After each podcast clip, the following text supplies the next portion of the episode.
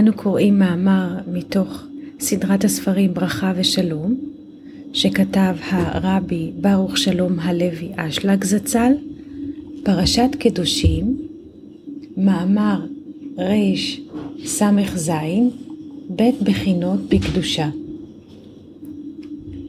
יש קדושה למעלה ויש קדושה למטה.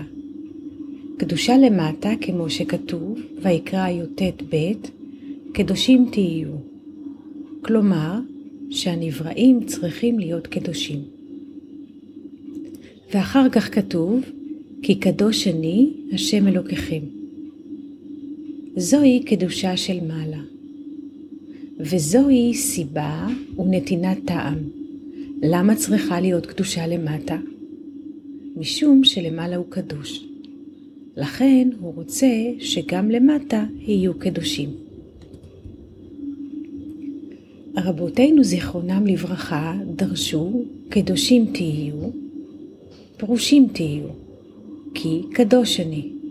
לומר, שאם אתם מקדשים עצמכם, מעלה אני עליכם, כאילו קידשתם אותי.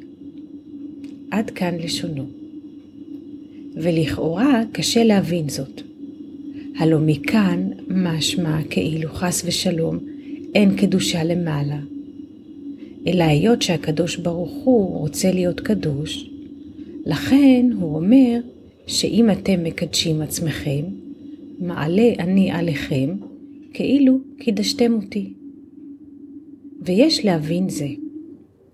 והלא בפשטות הלשון משמע, היות שהבורא הוא קדוש, לכן אומר שגם הנבראים יהיו קדושים.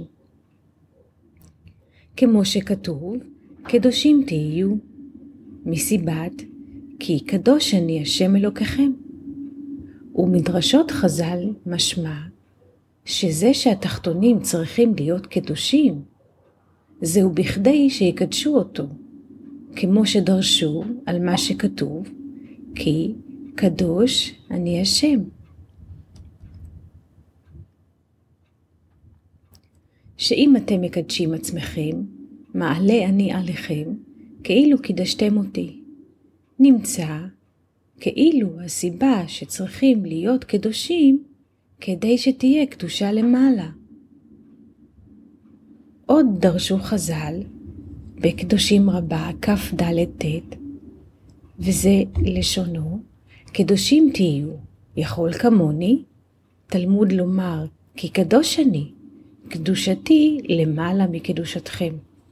עד כאן לשונו. גם זה קשה להבין, וכי סלקא דעתך שישראל יהיו כמו הקדוש ברוך הוא? הייתכן לחשוב דבר כזה? ובכדי להבין את הנ"ל, צריכים להבין מהו הפירוש שדרשו על קדושים תהיו, פירושים תהיו. כלומר, מאיזה דבר צריך האדם להפריש עצמו. ועוד יש להבין את הסיבה מדוע האדם צריך להפריש עצמו. ומהכתוב משמע שצריך להפריש עצמו מטעם כי קדוש אני. וגם זה יש להבין. בשל מה השם הוא קדוש, יכולים להבין. אבל זה שהשם הוא קדוש, יהווה סיבה שגם האדם יהיה קדוש? מדוע? וכי אפשר לדמות את האדם להשם? מה ייתכן? ואם כן, צריכים להבין מהי הכוונה בזה שמחייבים את האדם שיהיה קדוש כמו השם. ומשמע שזהו העיקר שהאדם צריך להיות. אחרת משמע שיהיה ההפך מקדושה, דהיינו טומאה. וכאילו באמצע אין שום דבר. או שנגיד שיש בחינת אמצעי בין קדושה לטומאה. וגם זה יש להבין. מהי טומאה בעבודה ומהי קדושה בעבודה? ויש לפרש כל אלו העניינים על כיוון אחד. היינו, לחזור על מטרת הבריאה מהי, ומהו שורש הקלקול, ומהם התיקונים שמוטל עלינו לתקן, בכדי שמטרת הבריאה תתגשם בשלמותה. כלומר, שהנבראים יקבלו את הטוב והעונג, מה שברצון הבורא לתת להם. כנ"ל שרצונו להיטיב לנבראיו. הנה ידוע שהרצון דלהיטיב ברא רצון לקבל, והשתוקקות לקבל את הטוב, מה שהוא רוצה לתת. והרצון לקבל הזה מכונה שורש הנבראים. ומהרצון לקבל הזה נתפשטו אחר כך הרבה הבחנות ברצון לקבל. זאת אומרת, כשיצא ונתגלה בפעם הראשונה, מקבל על בחינה זו, דלהיטיב לנבראיו, המצב הזה נקרא בשם עולם אין סוף. פירוש, שהרצון לקבל הזה עוד לא עשה סוף על אור העליון, אלא קיבל בכלי זה. מה שאין כן, אחר כך, נעשה תיקון. כלומר, שראה שאם התחתונים יקבלו בכלי זה, ירגישו אי נעימות בעת קבלת הטוב והעונג. לכן נעשה תיקון שלא יקבלו את השפע בעל מנת לקבל, אלא בעל מנת להשפיע. ועל ידי זה לא ירגישו שום בושה בעת קבלת התענוגים. ובהאמור, יוצא שבעולם אין סוף היה רק רצון אחד. אלא אחר כך, לאחר שנעשה תיקון הצמצום, היינו שאין לקבל שום דבר רק לפי ערך שיכולים לכוון בעל מנת להשפיע, כבר נתחלק הרצון לקבל הזה להרבה בחינות.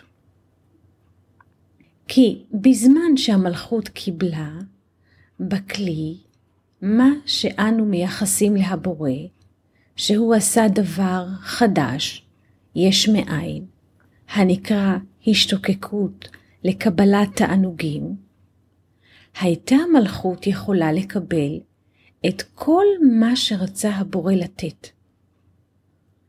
כי בשיעור מה שרצה לתת, כפי שיעור הזה, ברא רצון לקבל.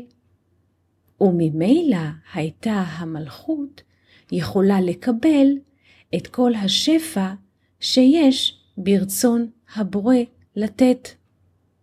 לכן, נבחן זה לרצון אחד.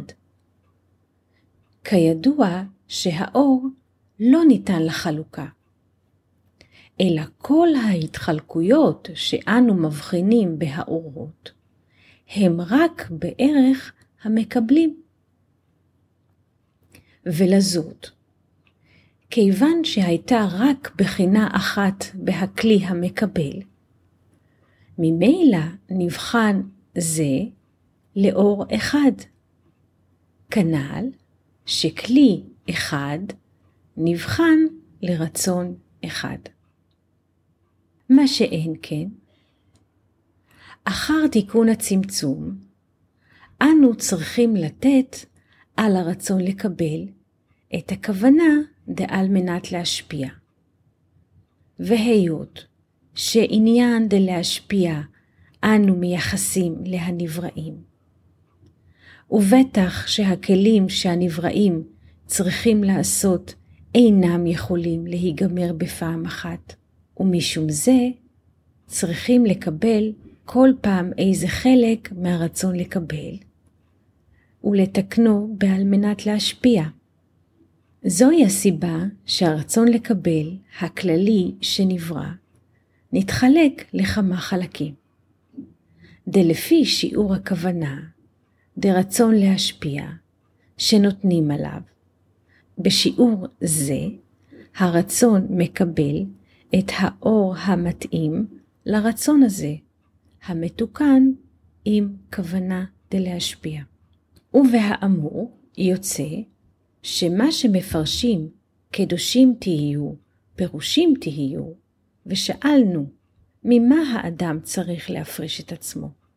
וצריכים לומר שהאדם צריך להפריש עצמו מאהבה עצמית, דהיינו, מקבלה עצמית, ולעסוק רק על מנת להשפיע. וזהו מסיבת כי קדוש אני. דבכדי שתהיו מוכשרים לקבל את הטוב והעונג, וההטבה שתקבלו תהיה בלי שום בושה, זה יכול להיות אם תהיו בבחינת רצון להשפיע, כי זה יגרום לכם השתוות הצורה. כדרשת חז"ל, מסכת שבת, קל"ג, עמוד ב' מהו רחום? אף אתה רחום. וזה שכתוב, קדושים תהיו. אתם תהיו בבחינת רצון להשפיע. כי קדוש אני, כי גם אני רק להשפיע. ולכן צריכה להיות השתוות הצורה הנקראת דבקות. והנה לאל שאלנו. כאן משמע שהסיבה לקדושים תהיו, היא משום שהבורא הוא קדוש. אם כן, מה הפירוש שחז"ל אמרו, כי קדוש אני? לומר, שאם אתם מקדשים עצמכם, מעלה אני עליכם כאילו קידשתם אותי. משמע מכאן ההפך, שאתם צריכים להיות קדושים כדי שכאילו תקדשו אותי? ובכלל, קשה להבין. מה הפירוש שעם ישראל צריך לקדש את השם?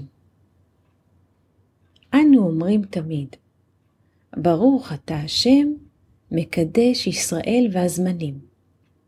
מקדש ישראל ויום הזיכרון. וכמו כן אומרים בקידוש, כי בנו בחרת ואותנו קידשת מכל העמים. אם כן, מה הפירוש כאילו קידשתם אותי?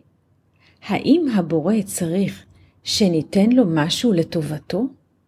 היות שהוא צריך כאילו לקדושה שלנו, וזה אי אפשר לו להשיג, אלא על ידינו. הייתכן לומר שהוא חס ושלום נצרך לנבראים שייתנו לו משהו עבורו? והנה הסברנו שקדוש נקרא משפיע. וכדי שיהיו כלים להנבראים לקבל שפעו, מוכרחת להיות השתוות הצורה.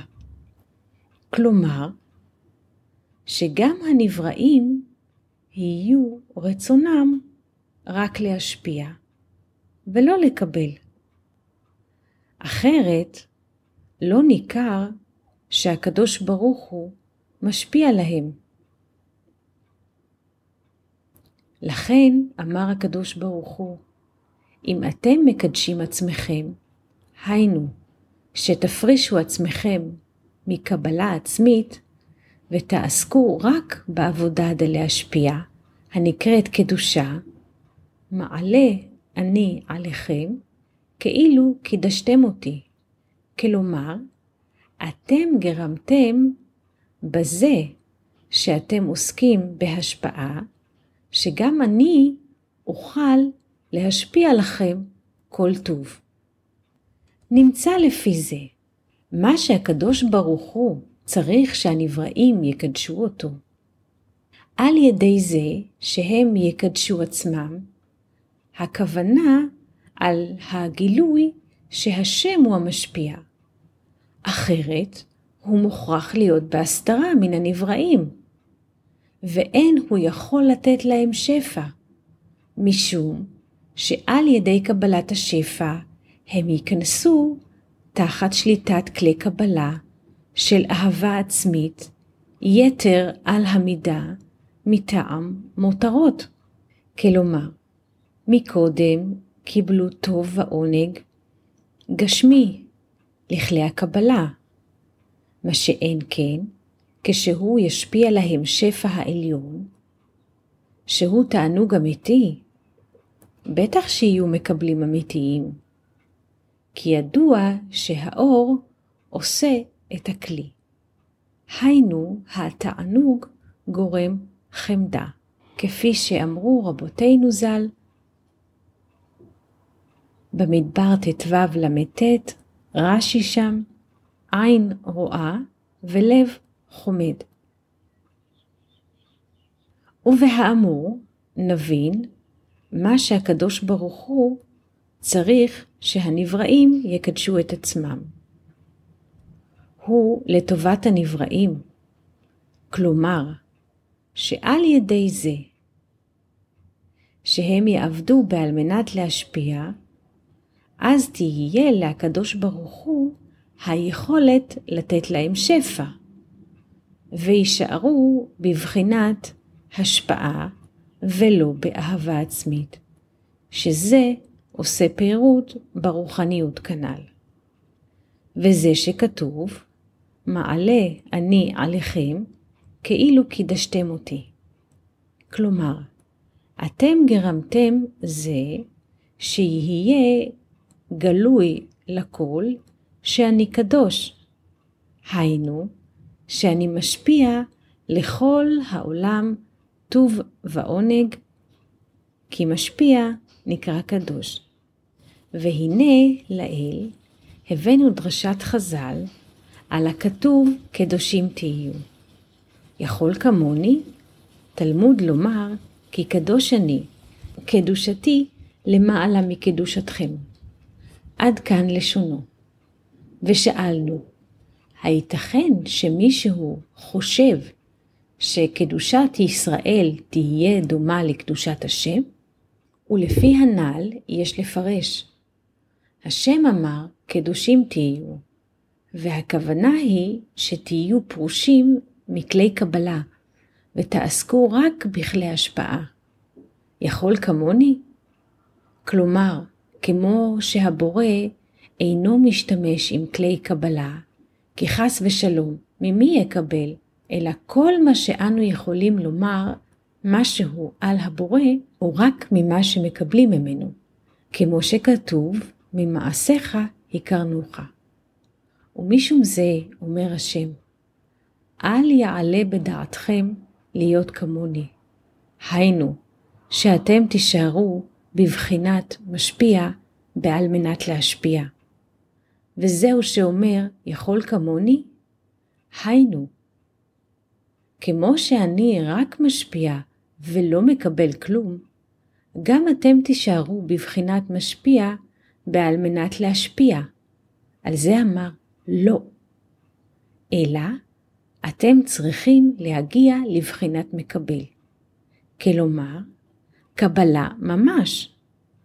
כי אתם צריכים לשמש עם כלי הקבלה שלכם. אלא, רק הכוונה צריכה להיות בעל מנת להשפיע. כי מטרת הבריאה היא להיטיב לנבראיו, שהנבראים יקבלו טוב ועונג. וזה שכתוב, קדושתי למעלה מקדושתכם. ובהאמור יוצא שיש לנו להבחין בין קדושה של מעלה לקדושה של מטה. הגם שכתוב קדושים תהיו, מסיבת כי קדוש אני השם אלוקיכם, ופירשנו שהכוונה היא שאתם תעבדו רק בעל מנת להשפיע, כמו שאני הוא המשפיע, כנ"ל בדרושי חז"ל, מה הוא רחום, אף אתה רחום. מכל מקום יש הבדל בין קדושה של מעלה לקדושה של מטה. כי קדושה של מעלה היא כולה להשפיע, ואין נוהגת שם קבלה כלל. מה שאין כן, קדושה של מטה אינה כן, אלא השלמות היא דווקא כשמשתמשים עם כלי הקבלה, והקדושה היא על הכוונה. כלומר, מה שדורשים מהנבראים שיהיו קדושים, שיהיו משפיעים ולא מקבלים. עיקר הכוונה היא שיהיו בעל מנת להשפיע. אולם, אולם, בסדר העבודה יש להבחין בין קטנות דקדושה לגדלות דקדושה. היות שסדר העבודה הוא שהולכים מהקל אל הכבד, אי לזאת צריכים מקודם להתחיל בעבודה שהמעשים דהשפעה יהיו בעל מנת להשפיע. שזה נקרא שבכל המצוות שהאדם עושה, תהיה כוונתו שלא לקבל שכר או איזו תמורה בשביל קיום תורה ומצוות, אלא שיהיה לשמה ולא לתועלת עצמו. וזה נקרא משפיע בעל מנת להשפיע. ואחר כך נוהג הסדר של גדלות. היינו, שמתחילים לעבוד בכלים דקבלה בעל מנת להשפיע.